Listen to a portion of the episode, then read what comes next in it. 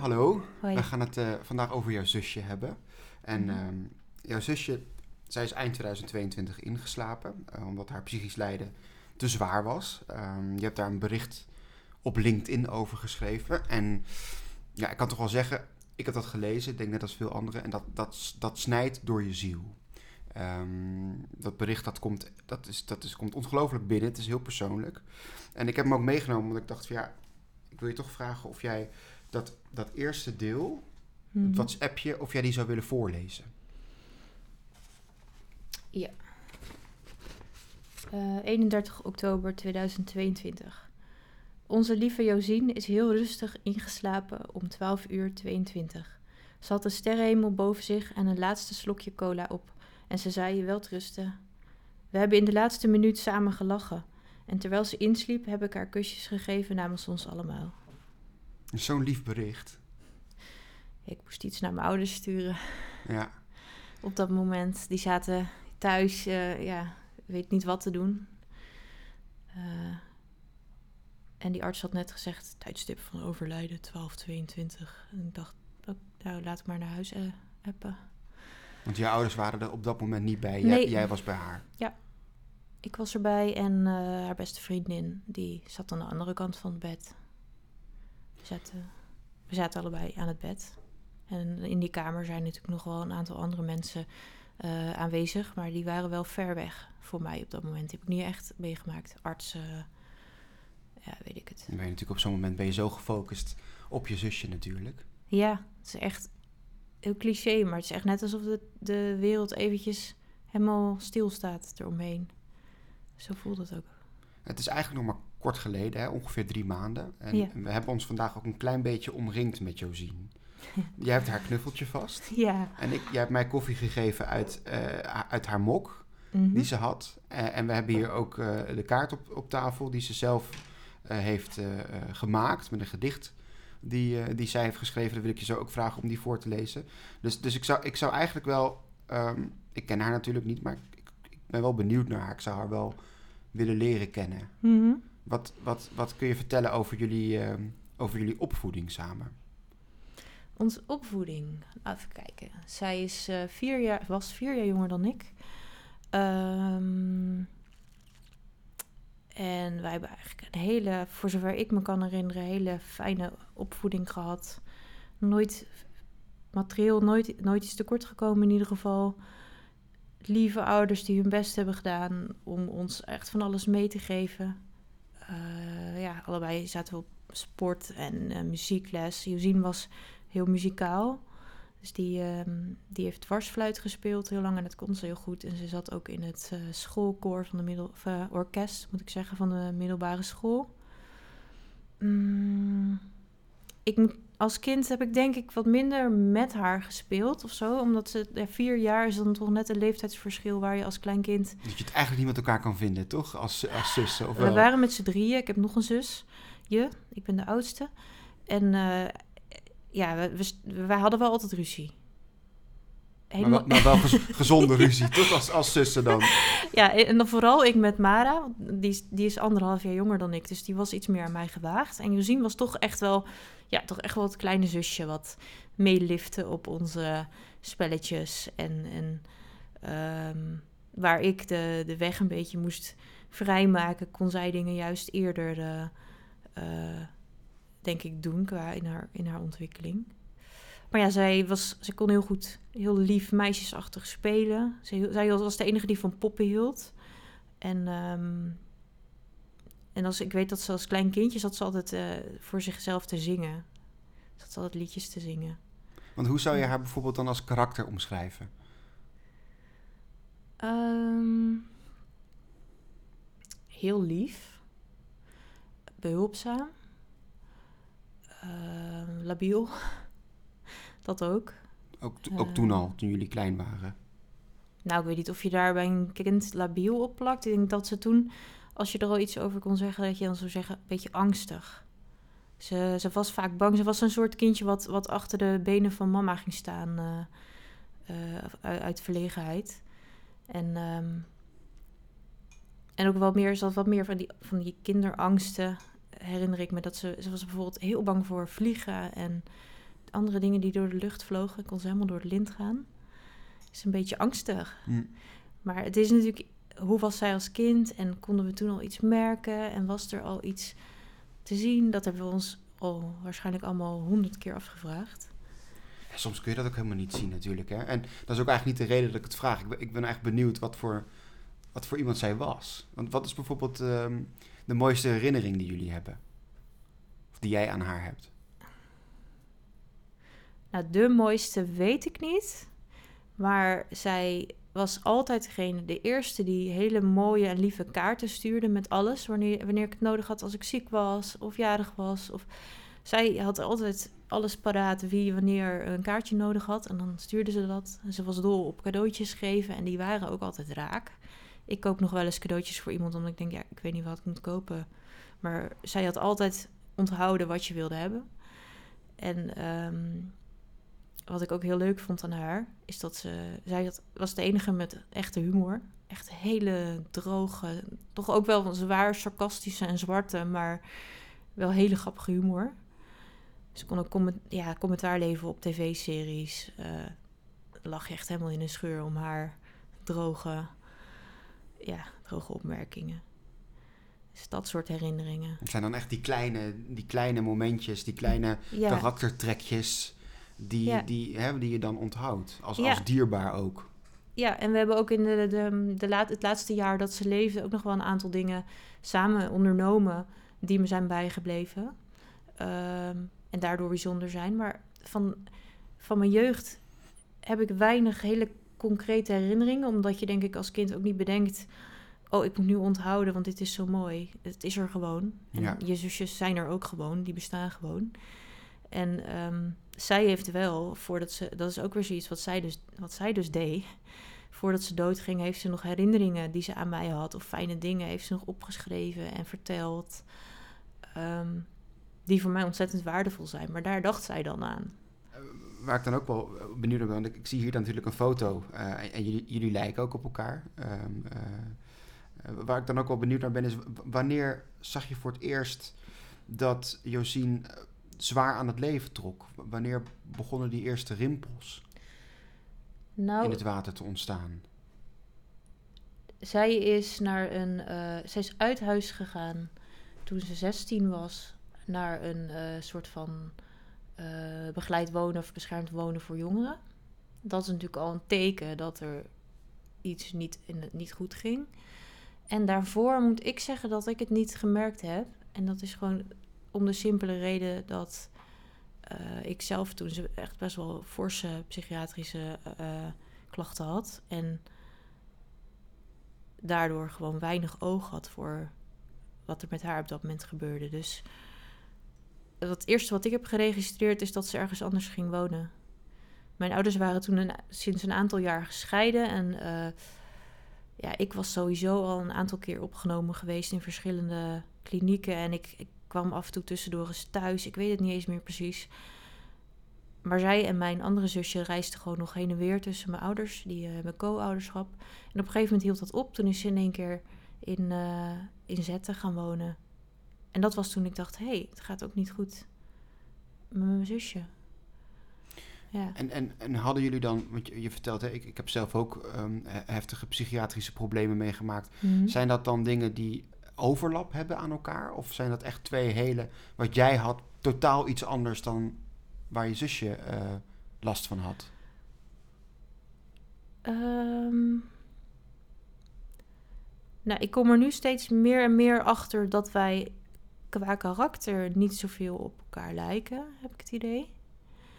Maar de, de, de, ja, ik zie de, de, de coping, om het maar even met de eh, vakterm te zeggen, die, die we Dus hadden. het leren omgaan, be- bedoel je dan? Ja, de manier van omgaan met ehm, depressieve gevoelens, die we dus wel allebei hadden, eh, die heeft wel overeenkomsten. Ik heb, ik heb jarenlang best wel een heftige eetstoornis gehad.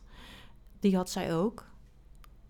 Tussen, die, die zat niet, misschien niet voor ons niet direct duidelijk op de voorgrond, maar die heeft wel, had wel echt veel impact op haar, impact op haar leven. En ik denk die, die predispositie of eh, aanleg om dus met eten te gaan rommelen en een eetstoornis te ontwikkelen, ja, dat, zal dan toch wel een stukje genetisch zijn.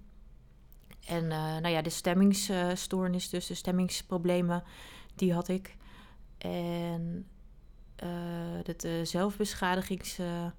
Ehm, zelfbeschadiging heb ik ook zelf gedaan, een periode lang.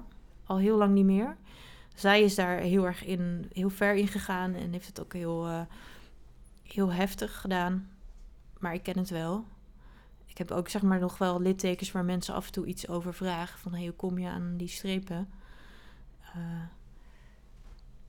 ja, dus, ja, dus zegt, overlap, maar ja, we waren wel heel andere mensen. Ja, je bent natuurlijk twee totaal verschillende mensen, maar je komt wel uit hetzelfde gezin. Ja. En je zegt wellicht dat daar genetisch iets is gebeurd. Het is niet zo dat je, je bijvoorbeeld de vinger ergens op kan leggen van er is een oorzaak, uh, dit is de oorzaak geweest. Nee, echt oprecht niet. Dat is ook het. Kijk, zij had, zij had ook trauma's. Die heeft ze opgelopen in de loop van haar leven. Ook, ook helaas moet ik zeggen in de GGZ-behandelingen. Eh, ehm, ik heb ook zo mijn uh, dingen meegemaakt. Maar er is gewoon niets wat zo heftig is in onze opvoeding of structureel verkeerd was of iets wat je aan kan wijzen. En dat hoeft natuurlijk ook niet altijd. Het is heel menselijk om te denken: oh, uh, we zoeken naar oorzaak en gevolg. En soms zijn de dingen zoals ze zijn. Ja. Ja, kijk, uh, je gaat natuurlijk graven met allerlei uh, behandelingen en therapeuten. Ja, mijn ouders zijn ooit gescheiden. Volgens mij van mijn generatie is de helft van de mensen van mijn generatie heeft gescheiden ouders. En niet iedereen ontwikkelt zulke heftige psychiatrische problemen. Dus is dat dan een oorzaak of meer een trigger?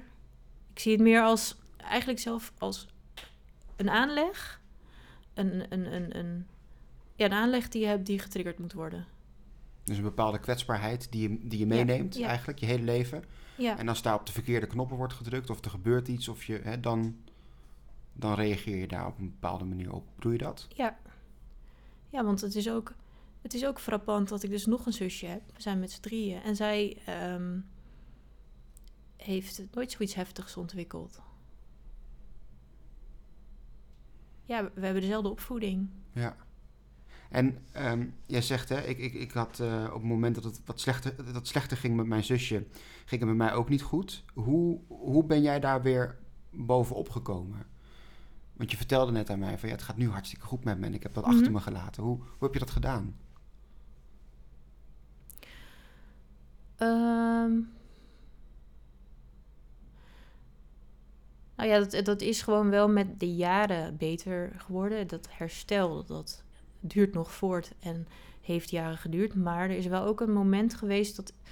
Uh, ik weet dat nog wel. Er was op een gegeven moment een arts die tegen mij zei: Als je zo doorgaat met je lichaam. Ik had dus ook best wel uh, eetstoornis. Als je zo doorgaat, word je helemaal geen 30. Denk je er wel eens over na dat je, dat je helemaal niet oud wordt zo? Um, los van dat ik vaak suicidaal was, heeft me dat wel aan het denken gezet. En op een gegeven moment had ik het gevoel dat ik het ook niet langer meer kon, kon doormodderen. Dat ik een keuze moest maken. En waren twee opties: dood te gaan of uh, gaan doen wat iedereen zei dat ik moest doen om beter te worden. En dat was gezond eten. Nou ja, gewoon de, de, de dingen die ik moeilijk vond. En toen heb ik daarvoor gekozen met in mijn achterhoofd... als het niet werkt, ga ik over vijf jaar alsnog dood. Of maar die arts die drukte jou even met de neus op de feiten? Ik weet, niet, ja, ik weet niet meer hoe ze het deed, maar... die kwam wel echt binnen. Ik was toen, denk ik, 25 of zo. En ze zei, nou, jouw lichaam houdt niet, uh, niet zo lang meer uit zo. Misschien was dat wel net even wat je nodig had en moest je dat even horen. Ja, ja, dus en, eh, en, en daarnaast ben ik heel erg, wat dat betreft, als ik iets wil en besluit dat ik iets doe, dan ga ik het ook echt doen. Dus ik besloot nu dat ik vijf jaar lang keihard mijn best zou gaan doen om alles te doen wat me tegenstond en wat ik eng vond en waarvan anderen zeiden, dit moet je doen. Als het dan niet had gewerkt, ja, rot dan maar op. Maar het heeft gewerkt.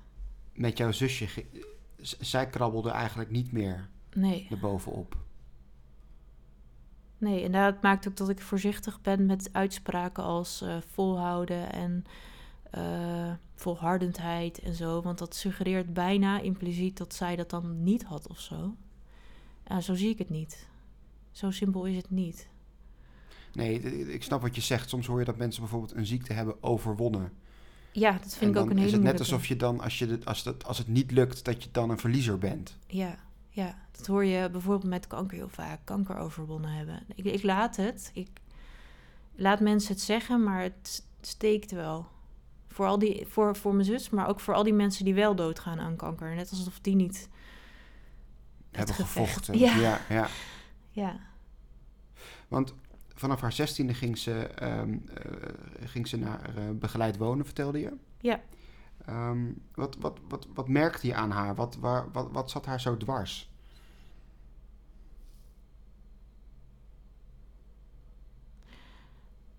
nou ja, terugdenkend. Ze, ze. Er waren heel veel spanningen tussen haar en, en mijn ouders. eh, waar ik me niet in gemengd heb. Maar dat in combinatie met dat ze van zichzelf snel piekert, piekerde en stressde. eh zat heel veel stress thuis. Ze heeft zelf ook altijd gezegd dat het fijn was om op die plek te gaan wonen, omdat ze dan minder stress ervoor. En een deel daarvan weet ik ook wel achteraf, eh, is omdat ze zelf best wel worstelde met een eetstoornis en eh, daar gewoon niks over wilde delen. En bijvoorbeeld mijn moeder mij kende met eetstoornis, dus dat zag en daar probeerde iets mee te doen. Die dacht, nee, niet nog een dochter eh, die dat krijgt. En daar had mijn zusje last van. Ehm, spanningen in huis. Ook spanningen die, die ze zelf misschien meer voelde dan, dan, dan anderen hoor. Maar Dus het, het klinkt ook wel alsof zij een heel gevoelig meisje heel erg. was. Die dat allemaal, hè, want je zegt het met die, met die cadeautjes die ze haar fijn aanvoelt. Want dat vind jij leuk. Mm, En de kaartjes wanneer je dat nodig hebt. Zo voelt ze ook die spanning ja, als het niet lekker gaat. ja. Echt ook tot het, op het irritante af. Of je, die voelde gewoon alles hangen. En, dat, dat, en als je dan al, al geneigd bent om te piekeren, dan is dat lastig. En wat ik ook laatst met mijn andere zus heb bedacht, toen we het over haar hadden, is dat je zien vaak de, de, de, de vervelende dingen die gebeurden, die bleef ze onthouden. Mijn hersenen zijn echt geneigd om vervelende dingen te vergeten. Maar zij wist echt nog precies bepaalde ruzies met ouders of wie dan ook eh, terug te halen. Of herinneringen die naar waren. En daar bleef ze dan ook mee lopen of zo. Het kon En- ze niet van zich afschudden van dit is gebeurd en ik zet me daar overheen. Nou, daar leek het op. Daar wees Mara me, me een tijdje geleden op. Dat, ze, dat het haar dat was opgevallen. Want die is eigenlijk nog meer dan ik heel goed in het buitensluiten van ellende. eh, mentaal. Hoe was jullie band dan op latere leeftijd? Ja, wel, wel heel hecht. Terwijl er periodes zijn dat ik er weinig echt bijvoorbeeld fysiek zag. Ehm, maar wat ik, wat ik bijvoorbeeld wel fijn vond, was dat ze zei dat ze zich bij mij meestal wel gewoon zichzelf kon voelen en, en rustig kon voelen. Ik moet daar wel bij zeggen dat ze ehm, ook eh, gediagnosticeerd was met een eh, borderline persoonlijkheid. En dat dat wel eens het contact moeilijker maakte.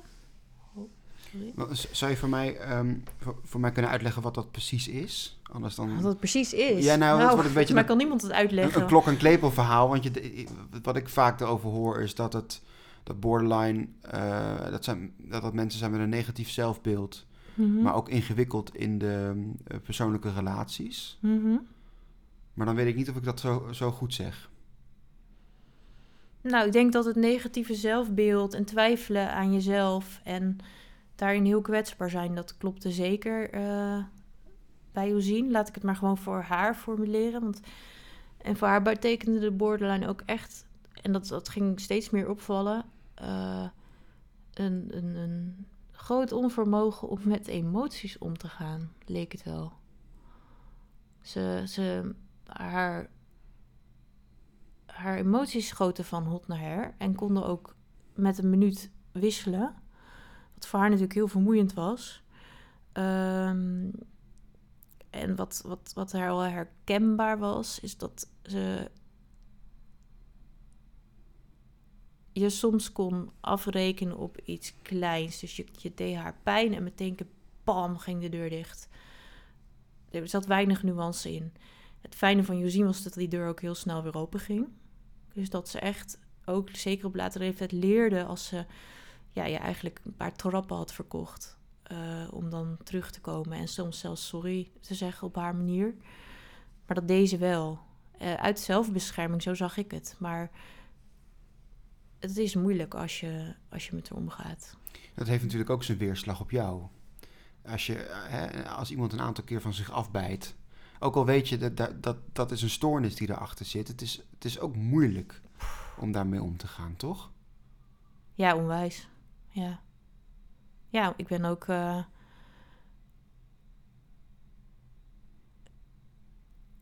Zij was niet alleen regelmatig boos op mij. Ik ben ook wel gewoon echt vaak al boos geweest op haar. En het verschil tussen ons is denk ik dat, dat ik me genoeg kon inhouden om dat niet op haar uh, af te reageren. En dat zij zich soms niet helemaal genoeg kon inhouden. Ze ging dat voornamelijk op zichzelf afreageren. Dus met zelfbeschadiging of, zelfdestructief gedrag. En ook wel eens in contact met mij of, of met mijn ouders. Maar ik ben ook wel zeker echt wel uh, boos aan hart geweest af en toe in mijn uitspraken. Om het maar te ventileren, om maar...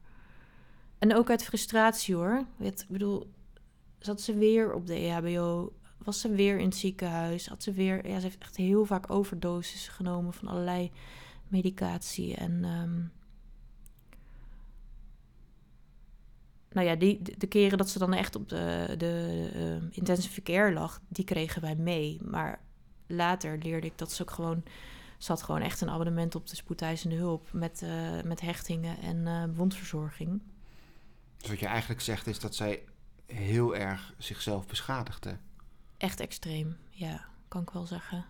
Niet, niet een klein beetje en uh, niet... Um,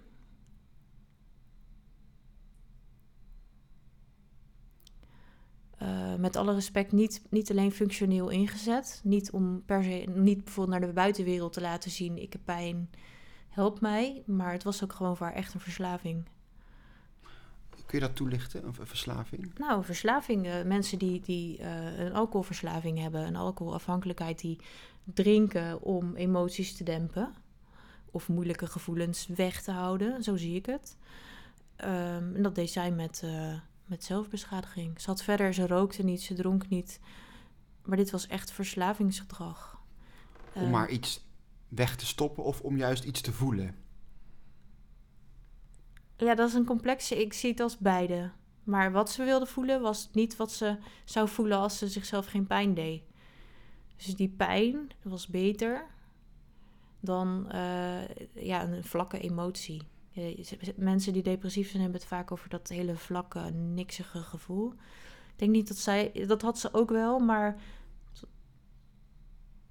ja, dat maakte ze dan toch weg of zo. Uh, met, met maar ja, veel, veel, veel, uh, veel snijden, um, randen. Ik vind het altijd ik vind het niet moeilijk om te, om te benoemen. Maar ik weet dat als er iemand naar luistert die daar gevoelig voor is, dat het moeilijk kan zijn. Dus daarom twijfel ik een beetje. Nou, ik denk dat het sowieso goed is hè, dat uh, als mensen dit luisteren en getriggerd raken, bijvoorbeeld, ja. um, dan is er daar een, een telefoonnummer voor, hè, 0800 uh, 0113. Mm. Dat zijn mensen die altijd uh, bereikbaar zijn om, uh, om te praten. Als je met dit soort gedachten rondloopt. Dus um, ik zou daar zeker gebruik van maken van zo'n nummer. Ja, dat zeg je goed. Fijn dat die disclaimer er ook even bij zit. Ja.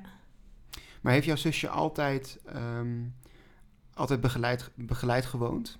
In de, in de, in, in de, ja, in de, in de tienerjaren en in haar twintigerjaren, zeg maar? Uh, min of meer wel. Ze heeft um, op heel veel plekken gewoond. En ze zat ook gewoon langere tijd soms in opnames. En een, een psychiatrische opname is wat anders dan een woonvoorziening. Dus dat wisselde elkaar nog wel eens af. Eh, en ze heeft één keer, dat is niet heel lang voordat ze dood ging, een paar jaar ervoor, een paar jaar terug, heeft ze geprobeerd om echt zelfstandig te wonen. Toen is ze op de verdieping uh, de, de woning bij mijn oma in Nijmegen ingetrokken. Echt vol goede moed en, uh, en strijdlustig. Ik ga het nu doen. Ik, ik wil niet meer begeleid wonen. Uh, ik ga ambulante hulp. Ga ik het hier zelf redden. Dus dat was heel mooi dat ze het probeerde. Iedereen vond het spannend volgens mij. Um, maar het ging toen wel zo goed met haar dat dat ook wel tot de mogelijkheden behoorde dan. Ja, of zo slecht dat ze dacht, wat de hek, ik ga dit proberen. Dat weet ik niet zeker. Maar laten we het houden op inderdaad goed. Dat het een goede, goede motivatie was, goede insteek. En toen is ze daar gaan wonen. En uh, mijn moeder, of mijn oma, sorry, mijn oma, die eind 90, die woonde beneden. Uh, heeft een hele, ze heeft een hele goede band met mijn oma opgebouwd toen. Dat was wel mooi om te zien. Oma vertelt het nu nog elke keer als ik er zie van ja, als ik dan niet, als Josine dan niet kon slapen, dan kwam ze naar beneden en dan gingen we skippo doen. Zo'n spelletje. Ja, ja, dat is een spelletje met die kaartjes. Die ja, dat deed mijn oma van 95 dan met mijn zusje beneden om 11 uur s'avonds als ze niet kon slapen. Dus ja, ja dat, dat was wel mooi. Ook en wel fijn ook... dat iemand van de familie daar gewoon bij is, toch? Vonden wij ook. Nou, en Josine bloeide ook wel op als ze kon zorgen. Dus, en, dus een beetje voor mijn oma zorgen, af en toe boodschapje doen, deze ook wel. Behalve als het weer wat slechter ging, dan zag mijn oma er een tijdje niet. En dan wisten we, hmm, gaat misschien wat minder. Dus ja, daar heeft ze een jaar heeft ze daar gewoond. Ze heeft ook nog een katje genomen toen, een, uh, een katertje in huis. Uh, en toen, ja, toen ging het toch niet. Een jaar later heeft ze weer moeten concluderen dat het uh, niet goed genoeg ging. Dat ze, ja, ik was er niet bij toen ze het besprak, maar dat er toch te veel risico, te veel, ja, ik weet het niet, es escalatierisico ja. En was dat een grote domper voor haar, een setback om weer... Denk het wel. Nou, ik denk wel, ondanks... Ja, nee, ik denk dat dat, dat, dat het heel erg was voor haar. Ja. Wanneer hoorde jij voor het eerst um, dat Josine um, een euthanasietraject wilde starten? Of is gestart misschien wel?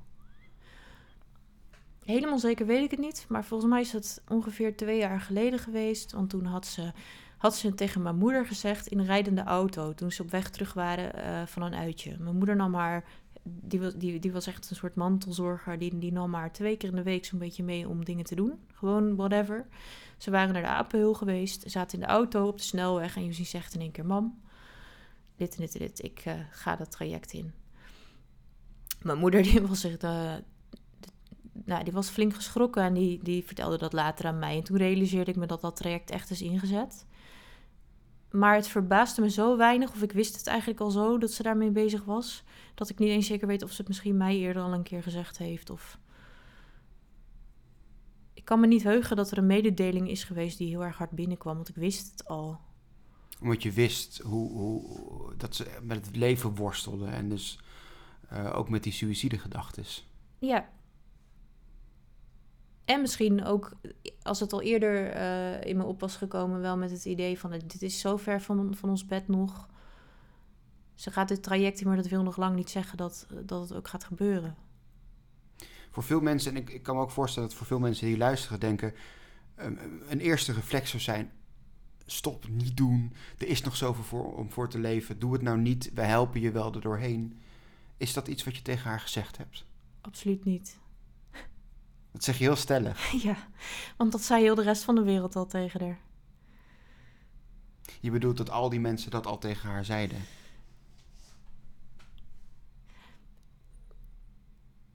Ja, of dat echt zo was, weet ik niet. Maar ik wilde niet degene zijn die dat zei. Uh, ik wilde ook niet zeggen, joh, goed idee, moet je doen.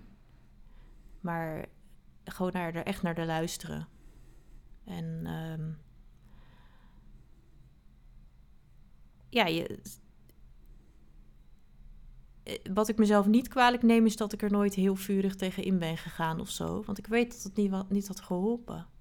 Dat ze zich alleen maar van mij had gedistanceerd. Van, zeker toen het mij wel weer beter ging. Zo van ja, dat, dat soort dingen heeft ze ook wel eens gezegd. Van ja, jij kon het wel. Maar ik ben jou niet. Ja, jij kon het wel. Ja, daar wilde ik echt uitblijven. En, en ook tegen iemand die zo diep in een depressie zit, zeggen er zijn nog zoveel dingen om voor te leven. Ja, ik neem het je niet kwalijk als je het zegt, maar het, het helpt echt niet. Nee. Nee. En eh, hoe, hoe, hoe vond je dat moeilijk dan om daar dan eh, een wat neutralere houding in, in te nemen?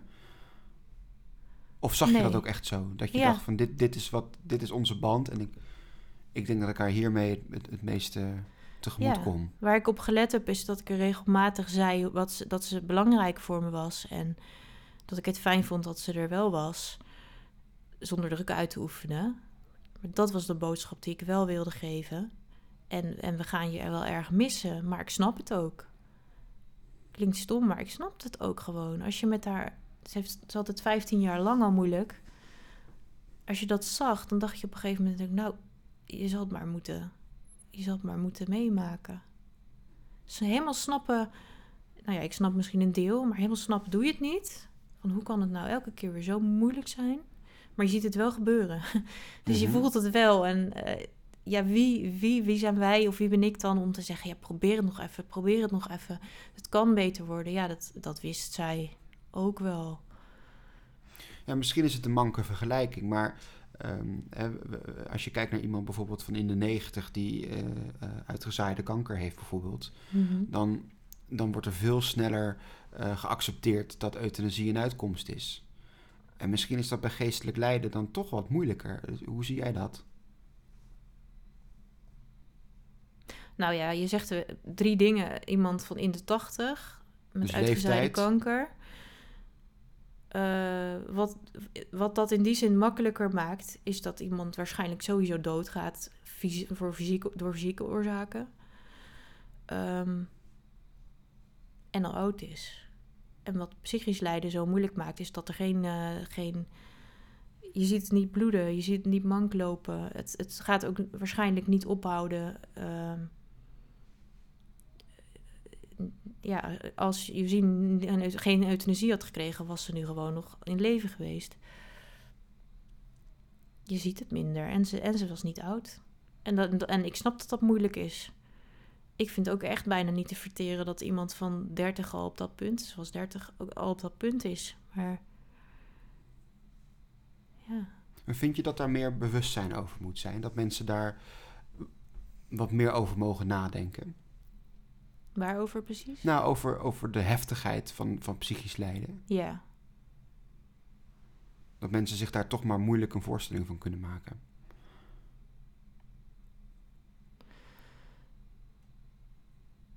Ik denk dat, dat er heel veel mensen zijn die zich daar best wel een voorstelling van kunnen maken. Als ze hun eigen ervaringen bijvoorbeeld eh, in gedachten nemen en bedenken dat je dat dus dag in dag uit jarenlang moet meemaken. Dat je dan een heel eind komt. Ehm, oh, wat, wat was de vraag? Was eh, of ik, of ik vond dat er meer bewustzijn eh ja, dat mensen dus...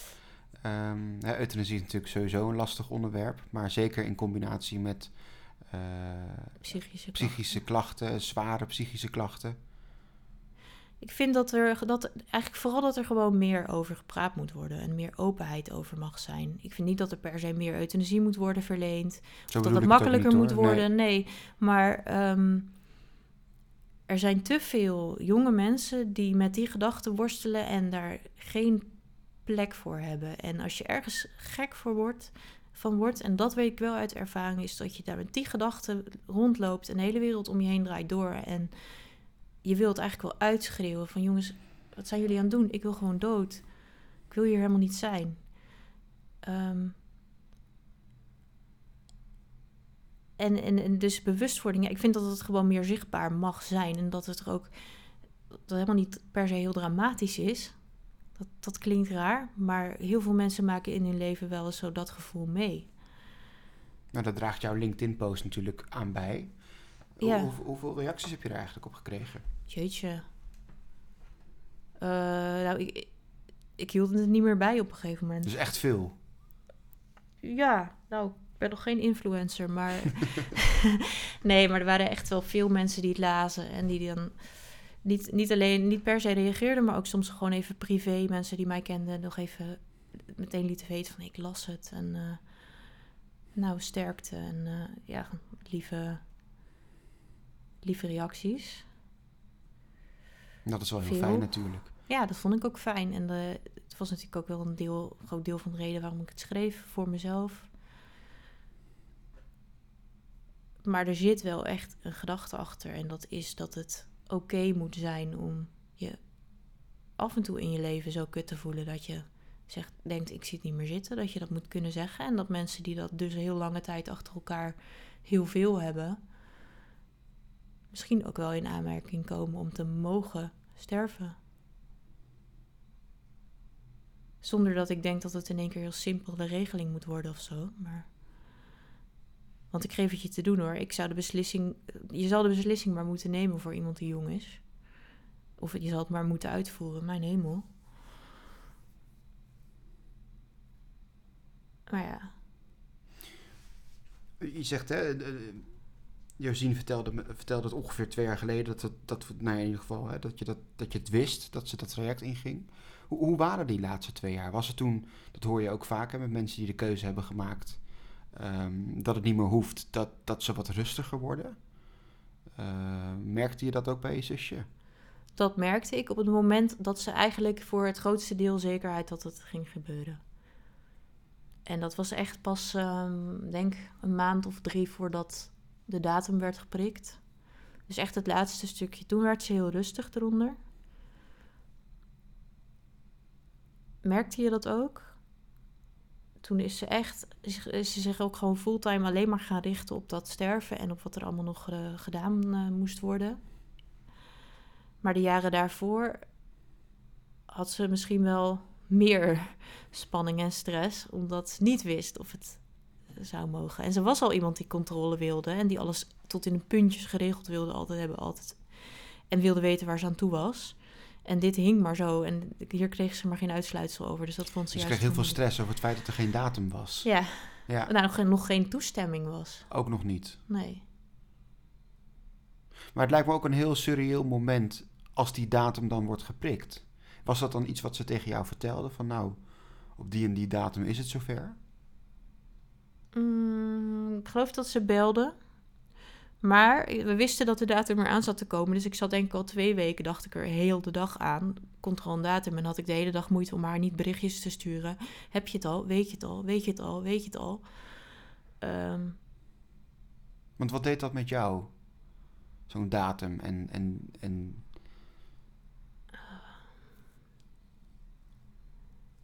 ik ging heel erg in. Ik, had niet heel veel emoties. eh, als ik niet met haar was. Merk ik. Ik denk dat ik me daar een beetje voor afsloot. Het was zo raar. Het ja, was ik kan me gewoon goed echt heel voorstellen dat dat heel raar is. Ja, ja. Ja. Ik, ik vertelde het ook letterlijk aan mensen om het hardop te zeggen, omdat het dan misschien wat echter ging voelen of zo. Van ja, ja, ja, nou ja, mijn zusje heeft dus een datum. Meestal had, waren het dan mensen tegen wie ik het al eerder wel had gezegd. Dat was mijn manier om het echter te laten voelen, maar ik wist gewoon niet zo goed. Ik wist het gewoon even niet helemaal, niet- helemaal niet zo goed. Want het ging een beetje op de automatische piloot. En wat was, wat, wat was Josien haar reactie toen ze die datum had? Heel rustig. Ze was blij. Ja. Ze was blij en dat, dat sprak ze ook uit. En ehm, nou ja, dat, dat, dat bevestigde voor mij ook wel dat het goed was. Eh, op een gegeven moment, ik denk drie dagen of twee dagen voordat ze doodging, ja, de twee dagen daarvoor, was ik aan het hardlopen. Want dat, dat deed ik heel veel, om het, dat, dat helpt. En tijdens het hardlopen dacht ik ineens... heb ik wel vaak genoeg gevraagd of ze het echt wil? Weet ze wel dat ze nog nee mag zeggen op het laatste moment? Ze, hoeft, ze, hoeft, ze mag zelfs op het laatste moment nog nee zeggen. Dus Dus bij jou kwamen al die ik, twijfels ja, ik kreeg echt heel erg echt best wel Ja. paniek ineens. Toen heb ik, ben ik gestopt tijdens het rennen. Ben ik haar gaan bellen. Gelukkig, eh, gelukkig nam ze op met beeldbellen. Dus ik zag haar voor me en ik was keihard aan het huilen. En gelukkig werd ze niet boos of, of vond ze het niet heel erg. Maar ik vroeg van, weet je, weet je het nou... Wil je me nog even één keertje... Ja, ik weet wat ik vroeg. Ik vroeg, wil je me nog even één keer vertellen dat dit is wat je wil? Want ik moet het van jou horen, anders kan ik het niet kan ik het niet. eh, ja, dan kan ik het later niet accepteren. Dus toen heeft ze heel rustig, en dat vond ik heel knap van haar, heeft gezegd: Ja, ik kies hier echt voor. Ik vind het fijn dat het eraan komt. Ik ben eraan toe. Maar ja, dat speelde dus bij mij af en toe nog wel op. Die, In één keer zo'n ja, je kan het maar één keer doen. paniekaanval dat je denkt, oh, Ja, Ja. hebben we het wel vaak genoeg gevraagd. hoe was het voor de rest van jouw gezin? Jouw, jouw andere zus en jouw ouders? Hoe gingen zij ermee om? Mijn andere zus eh, had een hele vreemde tijd. Dubbel vreemd, want die was hoogzwanger. Die heeft eh, twee weken voordat mijn zus doodging, heeft ze de baby gekregen. En die heeft daar lang en breed over nagedacht. En heel goed, vind ik heel knap van haar, besloten, voor zover dat mogelijk is, om, wat, om zich te richten op het moeder zijn. En eh, als het ware, als het mogelijk is, de rouw enigszins buiten te houden. En dat snapte Josine ook. Dat ze dat zeg maar zo eh, probeerde te doen. Dus die, die heeft Josine nog wel ontvangen. Ik ben, ik ben met Josine en haar beste vriendin op een gegeven moment nog naar Duitsland gereden... om de baby eh, te zien die een week oud was. De foto staat daar op het kastje. Ja, die foto van ons met, ja, met de drie Jullie zussen. drie met de baby. Met mijn nichtje. Dat was... Ik weet dat dat voor Mara ook wel best wel pittig was. Want die was dus gewoon net bevallen. Die zat bommetje vol met alle, ja, wat is het, hormonen die je dan hebt in lijf. En, toen kwam, en dan komt, komt je zusje, die op het punt staat om te overlijden, nog op bezoek. Maar ze, ze vond het toch, iedereen vond het uiteindelijk toch heel fijn dat we dat nog eh, hebben gedaan. Eh, Je, je vertelde toen ik hier net binnenkwam dat dit, die foto die daar op dat kastje staat, is, is een week Ja, een voor week haar overlijden. Ja, volgens mij wel. Ja. Ze had het ook helemaal zo gepland hoor, met die datum. Want ze wist dat mijn nichtje geboren zou worden. En eh, ze, wilde er voor die, ze wilde daar nog op wachten of zo. Hoe vond ze het dan om, om die baby vast te houden en om, om haar nichtje te zien? Was dat dan iets waar ze dan nog plezier uit kon halen?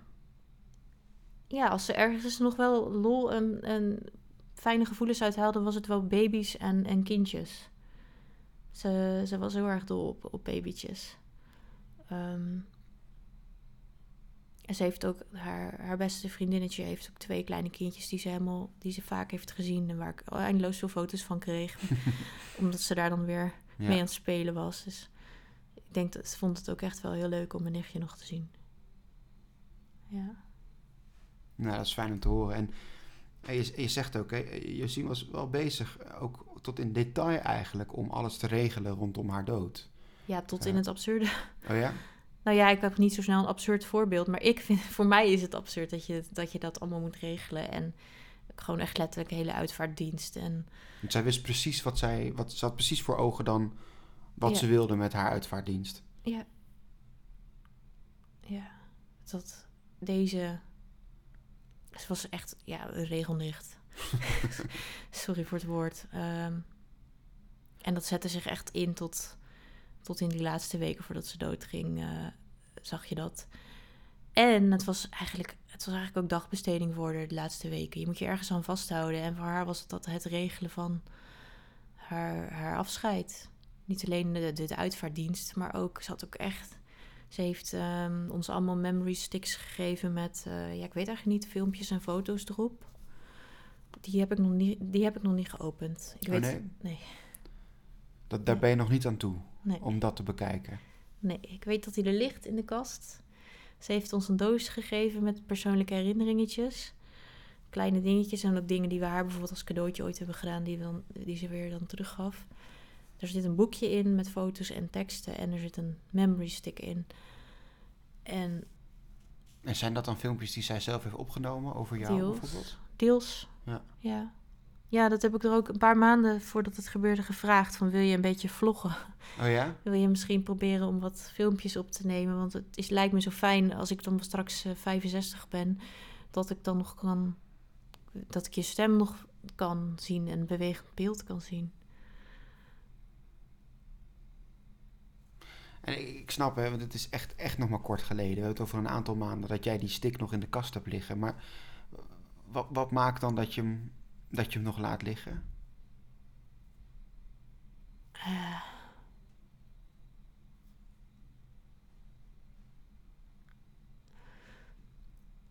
Ten eerste zit ze nu nog vers in mijn hoofd. En ik denk dat ik de meeste dingen die ze erop heeft gezet ook wel ken. Mhm. Maar ik ben ergens ook wel bang voor nieuwe beelden of dingen die me heel erg zullen emotioneren. Dus ik ben er ook wel een beetje bang voor. En het is een stukje nog een stukje nieuw Josien materiaal. Wat ik op een later moment nog een keer, als ik het er mis of als ik het ding- niet meer, als het juist wegzakt of zo, nog een keer nieuw kan kijken. Het zijn brokjes, het zijn stukjes die je nog, die je nog hebt, Nog die je eigenlijk hebt. nog kan ontdekken. Ja, Zeg ik dat zo goed? ja. Ja. Ja, iets wat, wat, we nog, wat, nog, wat we nog te goed hebben. Want we zullen nu geen nieuwe dingen meer van haar krijgen. Ik- geen kaartjes meer. Of, of weten hoe ze eruit ziet als ze ouder wordt. Of... Maar ja, er is dan nog wel iets Iets om naar uit te op kijken. de plank. Ja. ja. Ik, ik heb de kaart hier voor me liggen. Die staat ook bij jou op de kast. En ehm, er staat een heel mooi gedicht in, die ze zelf heeft geschreven. Ehm, en op, oprecht echt een heel erg mooi, mooi gedicht, wat, wat een soort belofte is, geloof ik. Ja. Z- Zou je, zou je- als het niet te persoonlijk is, maar zou je hem willen voorlezen? Nee. Nee? Nee, je zei net al dat je het ging vragen. Nee, dat kan ik niet. Nee? Nee, voelt niet oké om dat met mijn stem voor te lezen of zo. Je wil het in je hoofd houden alsof het haar stem is. Ja, plus dat me op een of andere manier heel erg geëmotioneerd. Dat snap ik, ja. Nou, ik zal hem dan ook niet voorlezen, want het is echt het is iets van jou natuurlijk. Maar ik vind het wel een heel mooi gedicht, omdat het een, omdat, omdat het een, een belofte is. Ja, eigenlijk een vraag om een belofte. Ja, Wat ze er eigenlijk mee schreef is... willen jullie alsjeblieft doorgaan met leven... fijne dingen blijven ervaren, genieten... wil jullie beloven dat je dat doet? Dat staat er in het gedicht. dan doe ik hem weer dicht, want hij is van jou. Ja. Hoe gaat het nu met je? Drie maanden, vier maanden later. Ehm, ja, ik ben, ik ben weer helemaal aan, aan het werk en door aan het gaan met leven.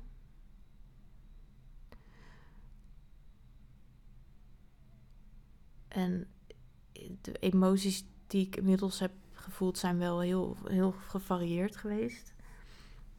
En nu momenteel zit ik denk ik echt in een soort van schuldgevoel fase of zo. Ja, ik Oh hoop ja? dat het een fase is. Ja, oh ja, dat, hoe bedoel je dan een schuldgevoel? Nou, dat ik momenteel heel vaak onwillekeurig denk, had, had ik maar, of hadden we maar, of heb ik het wel goed gedaan? Ja. Ja, dat raakt me ook om te zeggen hoor. Ja, dat snap ik. Wil je even stoppen? Nee, hoeft niet meer. Nee, hoeft niet. Maar gewoon veel, ik denk Wat dat... een, een rotfase ook, om dat, dan, om dat dan te moeten voelen. Ook al weet je misschien wel, ja, zul je ongetwijfeld dat mensen tegen jou zeggen van ja, maar natuurlijk is het niet jouw schuld. Toch? Ja, dat inderdaad. Maar ik denk dat je er niet onderuit komt dat, dit soort, dat je dit soort dingen af gaat vragen. En ik heb ook niet. Kijk, achteraf gezien is het altijd makkelijk bedenken wat je anders had willen doen. Of ja. Dat is met alles wat pijnlijk is. Dat je achteraf bedenkt hoe je het anders had kunnen aanpakken. Wat niet wil zeggen dat de uitkomst anders was geweest, want dat denk ik oprecht niet. Maar ja, En Wat zijn dan vraagstukken waar je mee zit? Wat, wat, wat vraag je je dan nu af? Ehm, wat, ik, wat ik heel lastig vind is dat ik heel veel jaar van ons leven heel veel aandacht en energie heb gekregen omdat ik ziek was. Ik was ook ziek. Tijdlang waren we allebei ziek, maar ik was de eerste, de oudste, die, daar ging van alles mis mee en alle, alle aandacht ging naar mij. En wat ik dus echt heel vaak denk is: shit man, als, als, als dat niet zo was geweest, was het dan met haar anders uitgepakt. Ja, dat weet je niet. Nee, dat weet je niet. Maar het is Nee. wel iets wat. Ik denk een schuldgevoel wat wel blijft. Want het is ook gewoon ontegenzeggelijk waar. Ik heb de boel op stelte gezet en zij heeft daar heel veel last van gehad. Maar tegelijkertijd, hè, wat je zegt, ik, je was ziek. Toch? En, en, je, en je, had, je, had, psy- je had psychisch lijden. En zoals je zusje dat natuurlijk later ook heeft, heeft, heeft gehad. En dat neem je haar ook niet kwalijk, toch? Nee, zeker niet. En zij mij ook niet. Dat heeft ze me ook echt nog duidelijk gezegd. Daar heb ik ook een punt van gemaakt om dat nog te vragen of zo. Mhm. Maar dat neemt gewoon niet de gedachte weg. Wat als het gezelliger was geweest thuis? Wat als ik niet jarenlang drama had geschopt aan tafel? Hadden we het dan kunnen hebben over hoe het op school was met haar? Of was ze dan misschien niet op de zestiende door alle spanningen? Want die kwamen ook door mij deels uit huis gegaan.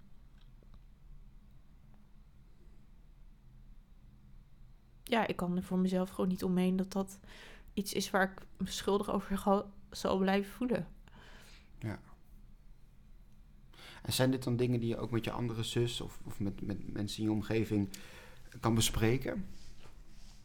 En helpt dat? Nou, ik denk dat ik hier. Ik heb een, eh, ik heb een psycholoog gehad die me hier wel veel bij geholpen heeft. Ehm, om hiermee om te gaan. En dat vond ik fijn, omdat het een buitenstaander is.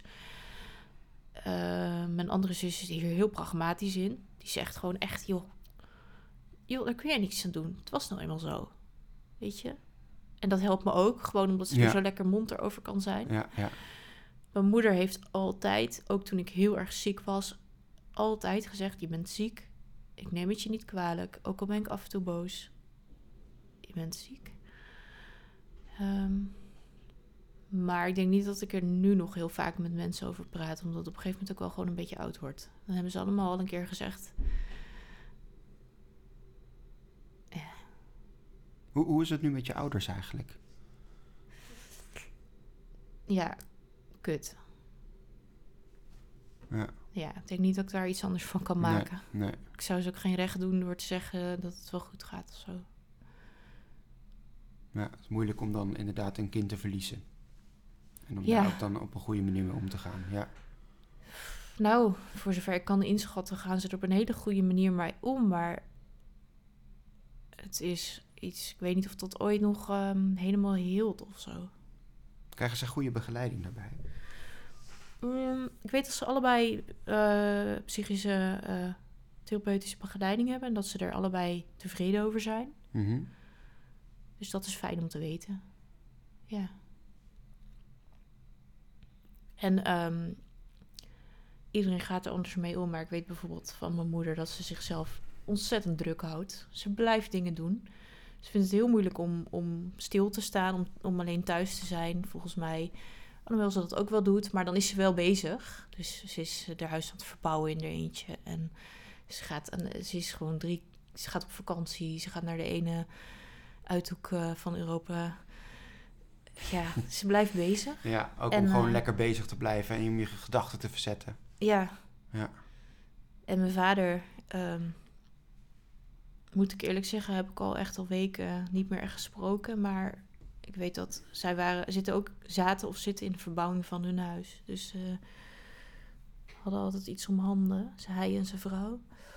En hebben daar echt enorm eh, druk mee gehad. Maar ik heb niet zoveel contact met hem over, over dit onderwerp. Hoe komt dat, denk je? Omdat, omdat jullie er allemaal moeilijk over kunnen praten? Of gaat dat wel?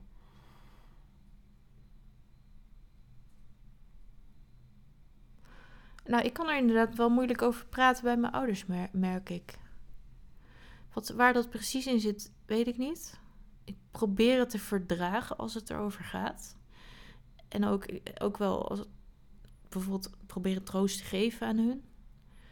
Maar troost zoeken bij hun, dat kan ik op een of andere manier niet zo goed. Wa- Wat zijn dan dingen, eh, Floor, die jou, die jou er doorheen helpen? Ehm, de wetenschap dat Josine heel graag wilde dat wij gezond zouden blijven en door zouden gaan, helpt. De belofte die ze De opschrijft? belofte. Ja. Ehm, nou ja, ik sport heel veel. Ik, doe ik, ik ren heel veel. En dat helpt mij, eh, dat is eigenlijk mijn meditatie, zeg maar, voor mijn mindfulness. Eh, ik heb een hele, hele lieve vriend. Ehm, en gelukkig mijn leven nu gewoon goed op orde. Dus ik kan met hulp ook van hem en wat er allemaal al ligt. Ik heb een baan, kan ik structuur houden. En dat is echt ongelooflijk belangrijk. belangrijk. Ehm, nou ja, ik, ik gebruik antidepressiva. Als je dan vraagt wat helpt me er doorheen. Nou ja, ik weet dat ik heb het al meerdere keren geprobeerd om die af te bouwen. Ik weet dat ik dan wel weer wat. Dat mijn stemming dan weer net onder het nulpunt zakt, zeg maar. Dan is het wat moeilijker om, om aan de gang te blijven. Maar al met al. Al met al zijn het eigen, eigenlijk handvatten die, die, die je her en der hebt, eigenlijk steunpilaren. Ja. Om, uh, om, op, om op te leunen. Ja, die er gelukkig zijn. Ook het gevoel dat je bepaalde verantwoordelijkheden of verplichtingen hebt. Gewoon naar je werk moeten. Dat is dubbel, want op mijn werk hebben ze echt al die tijd gezegd: als, jij, als je weg wil, als je even niet wil, als je het even niet kan.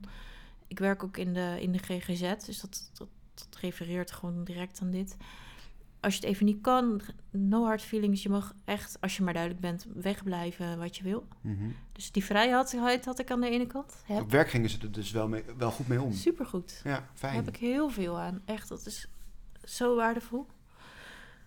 Iedereen weet ervan. En ja, het zijn allemaal mensen die, die, die daarin gewoon al met hun luisteren of met hun aanwezigheid kunnen steunen. Ja, en dus in praktische zin kreeg ik super veel support. En aan de andere kant zit er wel verantwoordelijkheidsgevoel. Want ik wil dat eigenlijk wel daar mijn verantwoordelijkheid nemen. En dat is ook helpend. Ja, je moet je bed uit. Want je belooft omdat je gaat werken. Dat is die structuur dus eigenlijk die je hebt, hè? Ja. Maar wat ik me ook voor kan stellen, Floor, is dat jij, jij werkt natuurlijk in de GGZ. Ja. Dan kom je misschien ook uh, verhalen tegen, patiënten tegen, die ja, misschien soortgelijke problemen hebben als die jij hebt meegemaakt of die je zusje hebben mee, heeft meegemaakt. Mhm. Hoe, hoe ga je daarmee om?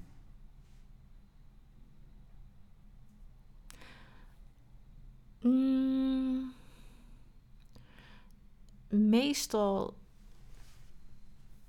meestal is het een meerwaarde dat ik dingen ook heb meegemaakt of gezien, omdat ik daardoor op, op een bepaald, bepaald level, niveau kan aansluiten bij mensen, zelfs zonder dat ze dat weten. En meestal doet me dat goed om dat te merken. Dat ik een connectie kan maken op basis van dat ik, dat ik begrijp wat ze deels begrijp wat ze meemaken. En wat wel heel belangrijk is, dat als het me te veel is, of, of te veel emotioneel raakt, dat ik dat ook op tijd signaleer en dan uh, een, stap terug doe. Bijvoorbeeld, um, ik spreek bijvoorbeeld denk ik wel twee keer per week, minstens één keer per week uh, een cliënt van mij die lijdt aan het leven en bijvoorbeeld uitspreekt dat hij, dat hij eigenlijk er niet meer wil zijn. En meestal vind ik dat zelfs wel, wel mooi om over te praten met iemand. Want ik ga er gewoon op in. Van, goh, hoe is dat nou? En waar, wat denk je dan precies? En hoe zou je dat dan willen doen? Uh, een eind aan je leven maken? Ik, vraag het gewoon echt. Maar heel soms lukt het even niet. En dan um, geef ik dat aan in mijn team. En dan wordt het opgevangen door iemand anders. Ja. Dus het verschilt heel erg hoe dat voor jou is. Meestal is het wel oké. Ja, soms dan kan het ook inderdaad helpen. Hè? Inderdaad, dat je, dat je het herkent misschien. Um, dat je iemand daarbij helpt. En op een ander moment is het dan te veel. Ja, of schat ik vast in dat het eventjes niet hoeft. Nee. Laatst een je wil natuurlijk ook niet altijd aan blootgesteld worden, kan ik me voorstellen. Nee, hoeft ook niet altijd. En ik hoef bijvoorbeeld, wij, wij begeleiden heel veel verschillende mensen met allerlei verschillende, verschillend lijden. En sommige herken ik ook gewoon helemaal niet. En het is ook gewoon heel fijn om mensen te begeleiden vanuit nieuwsgierigheid. Omdat ik niet herken wat ze meemaken, dat ik het nog kan vragen. En dat het me ook niet emotioneel daar op die manier belast. Bijvoorbeeld, uh, als iemand bijvoorbeeld enorm lijdt aan psychose, dan refereert dat niet aan iets wat ik heb meegemaakt. Maar ja, de professioneel, eh, de professional in jou, die kan daar natuurlijk ook op een goede manier mee omgaan. toch? Dat is waar je voor bent opgeleid. Ja, dat proberen we wel. Ja. En wat is de goede manier? Nou, gewoon oprechte nieuwsgierigheid Mhm. of oprechte empathie. Niet meelijden, wel enigszins meeleven. Ja. En vooral ook gewoon zeggen dat ik iets niet snap hoor. Wat je Ja, gewoon nu, wat je nu eerlijk zegt, zijn. wat je nu toch? zegt, Ja. moet je even uitleggen, want ik snap het niet. Ja, Ja. dat is meestal de goede manier. maar dat is dus ook zo als, met iemand, als iemand zegt, ik wil dood. Kun je ook zeggen, ja, wauw, wat heftig. Ik begrijp niet, kun je het uitleggen? Ja. Ja, want dat is eigenlijk mijn laatste vraag eh, aan jou, Floor. Is, eh, dit is een beetje de, de, de adviesvraag eigenlijk. Mensen die of inderdaad worstelen met het leven, eh, of eh, eh, een, een familielid of een vriend ehm, eh, in hun omgeving hebben die bijvoorbeeld in een euthanasietraject zit. Zijn er handvatten of tips die jij, die jij hebt voor die mensen? Oeh, dat zijn wel een hoop verschillende mensen die je noemt. Ja, ja. Ehm, Nou, laat ik het anders vragen. Heb je handvatten en, en tips voor mensen zoals jij, mm, die een naaste hebben die verloren? je naaste hebben verloren. Eh, reken erop. Hou er rekening mee dat iedere emotie die je voelt in het verwerken, dat, dat die oké is. En dat, dat, dat, dat het alle kanten op kan gaan. Dus het ene moment, het kan er ook allemaal tegelijk zijn, maar het ene moment voel je je boos, het andere moment voel je je doodmoe. En misschien voel je je ook wel gewoon een, helemaal opgelucht ineens of zo. Het, het, iedereen reageert anders, maar er is vooral geen vaste, vaste, vaste respons. En, eh, en heb er begrip voor, voor jezelf en voor, voor de anderen in, in, die er ook naast staan. Dat je, dat je van alles gaat voelen. En soms ook misschien wel helemaal niks. Maar ja, dan is het er even niks. Ja. Floor, ik wens je oprecht echt alle sterkte toe. Ehm, en heel erg bedankt ook dat je dit eh, wilde bespreken met, eh, met mij en Graag met gedaan. ons. Graag gedaan. Dankjewel, Floor.